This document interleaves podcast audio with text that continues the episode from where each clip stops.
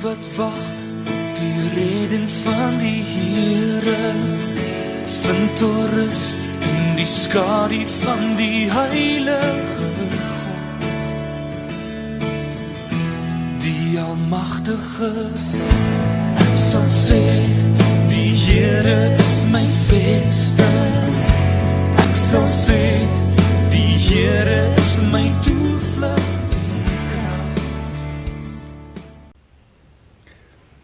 Goeiedag geliefdes. Ehm um, hier in die middel van die week wil ek jou graag bemoedig met 'n boodskap uit Efesiërs hoofstuk 2. En ek lees uh, vanaf vers 4 tot vers 7. Maar God is ryk in barmhartigheid en het ons innig lief.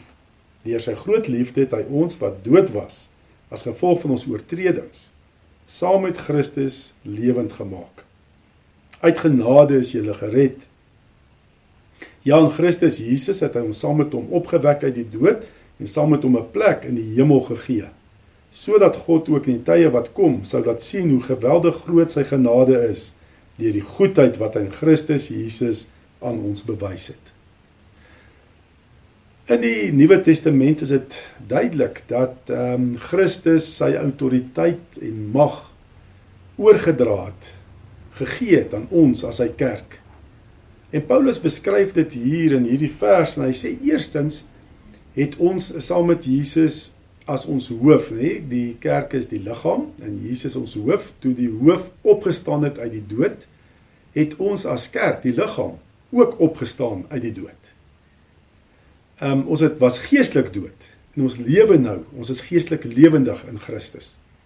En dan staan hier ook in vers 6 waar hy sê is het hy hom ja in Christus Jesus het hy ons saam met hom opgewek uit die dood en saam met hom 'n plek in die hemel gegee. En dit wys natuurlik na hemelvaart wat ons laas uh, donderdag uh, gevier het. Toe ons hoof opgevaar het na die hemel. Toe toe God hom verhef het en hom alle mag gegee het in die hemel op die aarde. Toe het ons as sy liggaam met onsself ook 'n ereposisie, 'n plek van autoriteit gekry uh, saam met Jesus in die hemel. Vroeger skryf Paulus ook in Efesiërs 1 vers 22 sê hy ja aan hom dit is Christus het God alles onderwerp hom bo alles verhef en hom aangestel as hoof van die kerk. Ons het saam met Jesus 'n ereplek in die hemel. 'n plek van autoriteit.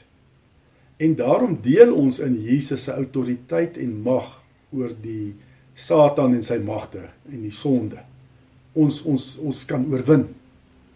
En dan moet jy nie dink ja, dalk moet jy nog groei om dit te ontvang, nê, nee, of jy moet sal later ontvang nie. Jy het dit al reeds toe jy gekom het tot geloof in Christus. Toe ontvang jy alles wat uh, Jesus vir ons 2000 jaar terug verwerf het aan die kruis en met sy opstanding in hemelvaart. Dit is jou nou, dis jou erfenis. Jy hoef dit nie te verdien nie. Jy hoef nie daarin te groei nie. Dit is ons as jy werklik glo in Jesus Christus. So in Christus het ons autoriteit en mag oor Satan en sy magte. Ons het 'n autoriteit want ons is die verteenwoordigers van Christus hier op aarde. En ons uh, lewe en funksioneer as sy verteenwoordigers, as 'n uh, koninkryks uh, bedienaars van God. So ons het daai autoriteitsposisie. Maar ons het ook die mag want Jesus het ook gesê in kort voor sy hemelvaart en dan in 1 vers 8 lees ons dit en julle sal mag ontvang wanneer die Heilige Gees oor julle kom. So vanweë die Heilige Gees in ons het ons ook die mag oor Satan en sy magte. Ek wil hierdie verskil tussen autoriteit en mag net verduidelik uh, met die voorbeeld van 'n speedkop, 'n verkeerskonstabel. 'n Verkeerskonstabel het die autoriteit om verkeer te stop want hy verteenwoordig die regering, nê, nee, sy sy polisiewapen ehm um, wys hy's 'n verteenwoordiger van die regering en daarom kan en uh, mag hy die die verkeer stop. Ehm um, net so ons ook. Nee, ons is uh, God se verteenwoordigers hier op aarde. God se koninkryk, koninkryk van die lig, ehm um, verteenwoordig ons op aarde en daarom het ons in die naam van Jesus die autoriteit om Satan en sy magte se werking te stop. Die die, die werke van die koninkryk van die duisternis te stop.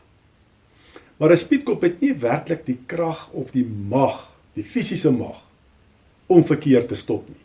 Om 'n 20 ton trok te stop nie. Ehm um, hy het nie daai fisiese krag nie.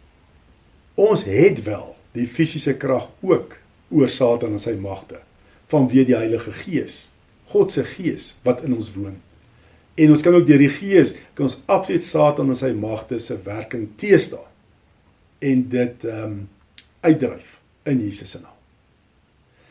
Paulus skryf ook in sy Kolossense brief van hierdie lewensveranderde waarheid wat vir ons in Christus se lewe. Ons lees daarvan in Kolossense 2 vers 10. En julle het die volheid in Christus wat die hoof is van alle owerheid en mag. Hoor weer eens, julle het, dis verlede tyd, jy het dit. Jy hoef nie te groei daarin nie.